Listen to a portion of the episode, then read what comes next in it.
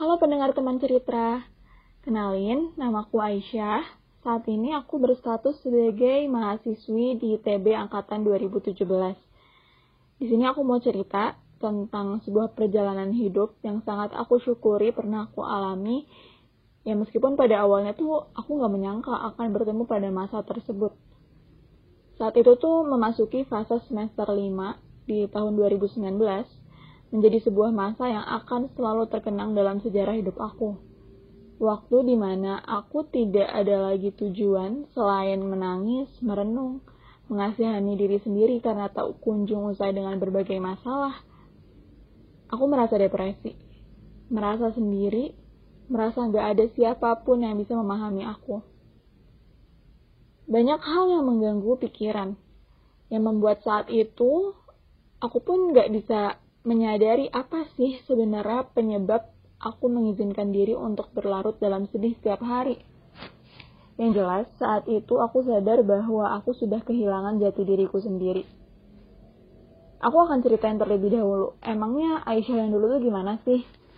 Ya di mata orang yang kenal aku dari SMP, dari SMA, kurang lebih seorang anak perempuan yang rajin, baik, sopan, pendiam, sangat dijaga sama orang tuanya, menjaga cara bicaranya, menjaga cara uh, berpakaiannya yang menutup aurat, dan insya Allah juga akan selalu berusaha memiliki pola hidup yang sesuai dengan ajaran Islam. Tuh. Tapi kemudian kehidupan kampus berhasil mengubah aku hampir menjadi orang yang berbeda. Beda dari yang teman-temanku dulu kenal.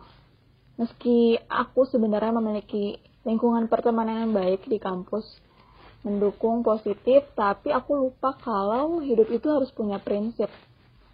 Berteman dengan banyak orang, dengan berbagai pola pikir berbeda, kebiasaan berbeda, itu benar-benar mengubah, mempengaruhi hidup aku. Aku sadar bahwa saat itu aku sudah menjadi sosok yang berbeda. Bahkan aku pun malu buat ketemu sama teman-temanku teman-teman SMP dan teman-teman SMA.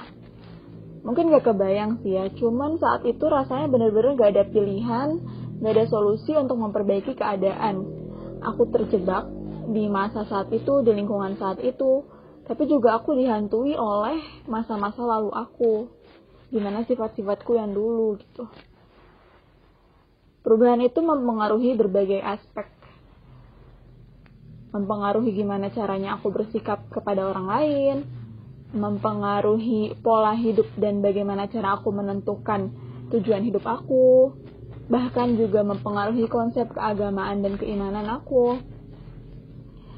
E, contohnya di antaranya dari aku yang awalnya seneng banget ikut program pemberdayaan masyarakat, akhirnya jadi nggak peduli dari yang awalnya bervisi memiliki mimpi-mimpi jangka panjang jadinya ya menjalani hidup seadanya aja dan tanpa target gitu.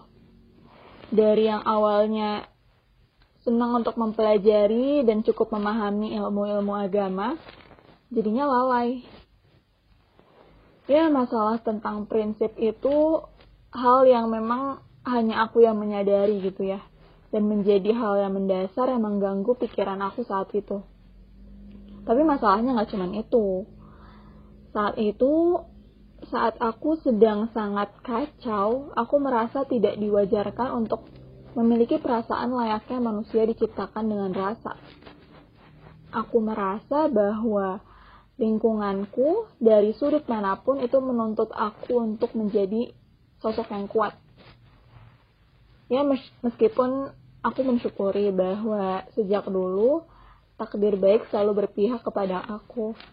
Berhasil menggapai mimpi-mimpi yang baik mimpi-mimpi yang diinginkan mendapatkan prestasi yang membanggakan memperoleh nilai yang sangat baik. Ternyata tapi kesembuh ke sebuah kesempurnaan itu membuat aku dituntut untuk menjadi seorang yang tanpa masalah semua orang menganggap aku bahwa aku pasti bisa menjalani hari dengan baik, dengan maksimal. Jadinya nggak ada yang pernah percaya ketika aku justru sedang sangat terbebani dan hancur. Saat itu, nilaiku memburuk, pola belajarku kacau, minder lihat teman-teman yang super keren mulai insecure lalu ketika aku hendak mencurahkan kegelisahan. Aku bilang aku capek sama akademiku gitu. Aku takut sama nilai-nilaiku. Apa yang aku dapatkan dari orang-orang adalah Allah nanti juga nilai kamu A gitu. Sebuah kalimat paling menyakitkan bagi aku jika siapa saja mengatakan itu kepada aku. Karena seakan-akan aku tidak boleh untuk merasa lelah Percuma aja aku menangis dan meluapkan perasaan dan pikiran. Karena pada akhirnya, pikirannya cuma cari perhatian. Padahal hati sangat-sangat teriris. Membuat aku akhirnya bertanya-tanya. Harus ke mana lagi aku mencurahkan rasa? Belum lagi menjadi anak sulung, perempuan, punya tiga orang adik yang perempuan juga. Itu mengharuskan aku untuk uh, menjadi sosok yang dewasa dan kuat. Ditambah lagi sebenarnya masalahnya karena aku mengalami pertengkaran hebat dengan teman terdekat aku di kampus. Sehingga saat itu aku benar-benar merasa kesepian dan ya udah trust issue kepada siapa pun, kehilangan kepercayaan kepada siapa pun. Sebenarnya masalahnya cukup rumit untuk diceritakan karena otakku aja saat ini tidak mampu untuk menguraikannya satu persatu yang jelas saat itu hidupku mencapai titik terendahnya. Tiap bangun di pagi hari, gak ada alasan buat semangat. Males buat interaksi sama orang lain. Menangis tuh udah gak kenal tempat dan waktu. Kapan pun pikiran-pikiran jahat datang di otakku, pikiran-pikiran kacau datang di otakku, ya saat itulah menangis. Bisa di kelas, bisa tiba-tiba di angkutan umum, Aku juga kemudian memikirkan segala sesuatunya itu secara berlebihan. Ya, bahkan perkara jati diri juga nggak beres-beres, makin pelik urusan, malah akhirnya membuat aku berpikir, kenapa sih nggak sekalian aja aku jadi orang yang beda gitu. Abstrak sih, cuman kayak mikir, kenapa sih nggak, ya udah gasin aja jadi makin gandal gitu. Ya gitulah. Lalu, lebih parahnya lagi, aku juga udah sampai di titik ingin menyakiti diri aku sendiri. Mulai berpikir gimana sih kalau misalnya besok aku nggak usah ada di bumi gitu. Akankah akhirnya semua orang percaya, menyadari, memaklumi, memahami tentang segala perasaan dan segala beban yang aku pikul saat itu. Bahkan aku pun sampai bawa cutter di tas tiap hari karena jaga-jaga aja kalau emang tiba-tiba gak kuat sama beban yang saat itu aku pikul gitu. Tapi ya alhamdulillah Allah masih menjaga aku dan gak pernah kesampaian. Ya lucunya saat pikiranku sudah semakin ganas saat ya sudah semakin jahat lah ya. Sama sekali rasanya nggak ada yang mengerti gitu ketika aku cerita tentang apa yang ada di benak soal jati diri soal keinginan-keinginan yang tidak baik itu yang ada tuh hanya gurauan. Dianggapnya bercanda kayak pan sih Syah? Bercanda kali gitu. Diketawain pokoknya. Terus juga saat itu sedang ada isu tentang bunuh diri gitu. Lalu orang-orang orang tuh membicarakan soal kaitannya dengan keimanan gitu kan aku cuman cerita nih sama temanku kayak aduh nggak baik tau kayak gitu. Karena itu malah bisa nge-trigger orang gitu menurutku gitu. Kayak bukan sebuah nasihat yang baik kataku terus temanku bilang ah uh, berlebihan kali kamu mikirnya gitu kan. Padahal dia nggak tahu kalau saat itu justru aku yang tertrigger gitu. Terus juga lingkunganku saat itu tuh menjadikan uh, konsultasi ke psikolog tuh menjadi sebuah bercandaan gitu. Jadi kalau misalnya ada orang yang perilakunya nggak bener dibilangnya udah itu konsultasi ke psikolog gitu kan. Wah dianggapnya lucu gitu kayaknya. Aku juga sebenarnya nggak paham.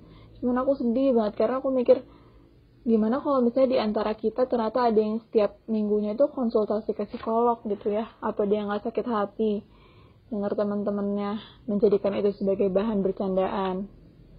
Ya pokoknya saat itu karena mungkin aku sedang sensitif juga, jadi semua kata-kata tuh bener-bener rasanya tuh sangat menyakitkan bagi aku. Simple orang bilang, e, Syah aku aja bisa kok ngadepin masalah kamu, masa kamu gak bisa sih gitu.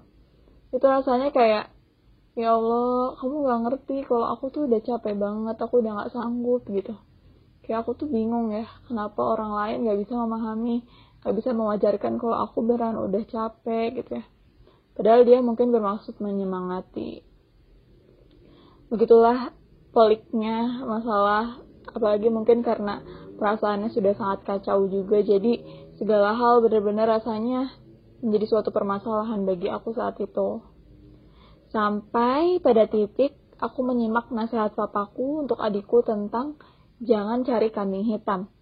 Nasihat berulang yang juga sebenarnya udah sering aku dengar, udah sering aku tahu, tapi aku baru paham gitu saat itu. Tentang bagaimana ketika ada masalah, lihat diri sendiri dulu, baru bukan menyalahkan orang lain. Lihat diri sendiri dulu, bukan menyalahkan orang lain. Saat itu, hati dan pikiranku langsung terketuk.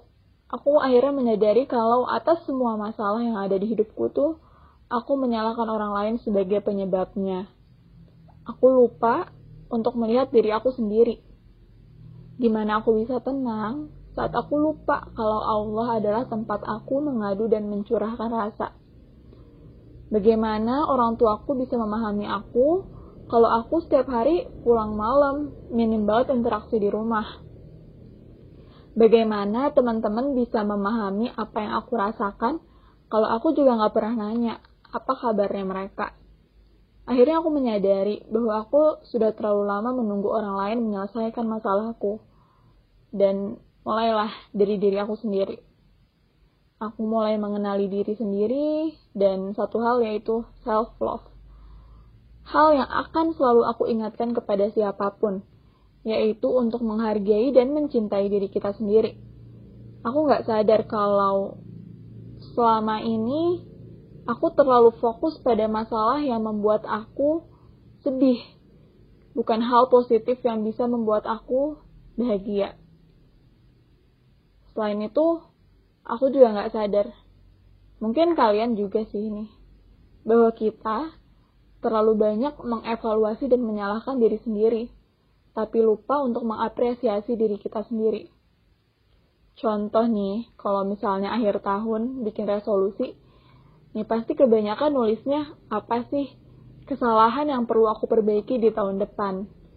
Tapi lupa untuk nulis apa sih pencapaian yang bisa bikin aku bangga ada di titik saat ini. Mulai aku perlahan pulih setelah aku bisa sembuh oleh diriku sendiri, akhirnya aku menyadari bahwa ternyata aku dikelilingi oleh banyak orang baik orang orang tua yang selalu mendoakan dan mensupport aku, adik-adik yang selalu memberikan aku kebahagiaan, teman-teman yang selalu membuat aku tertawa, melupakan klik sejenak, teman-teman yang positif, selalu uh, menerima aku apa adanya, bikin aku nggak insecure gitu. Teman-teman yang juga sering kali memberikan petua, hikmah, saran, pendapat yang secara, secara tidak langsung itu memberikan aku sebuah harapan. Akhir kata, Terima kasih. Terima kasih untuk Allah Tuhanku, orang tuaku, adik-adikku, teman-temanku, dan diriku sendiri. Aku sangat bangga karena aku bisa melewati masa terendah dalam hidupku, menemukan cahaya kembali, dan bisa bercerita di sini. Satu pelajaran yang bisa diambil adalah love yourself first, then you will realize that true love surround you. Aku yakin setiap orang punya cerita masing-masing. Aku harap kalian juga bisa menemukan cahaya. Namun aku tahu masih banyak orang-orang yang terjebak dalam gelap dan masih berjuang. Untuk itulah teman cerita hadir sebagai teman untuk saling bertukar makna agar setiap orang bisa memahami keindahan bahagia. Sekian cerita tentang aku. Terima kasih telah mendengarkan. Pesan terakhir, jangan lupa bahagia ya.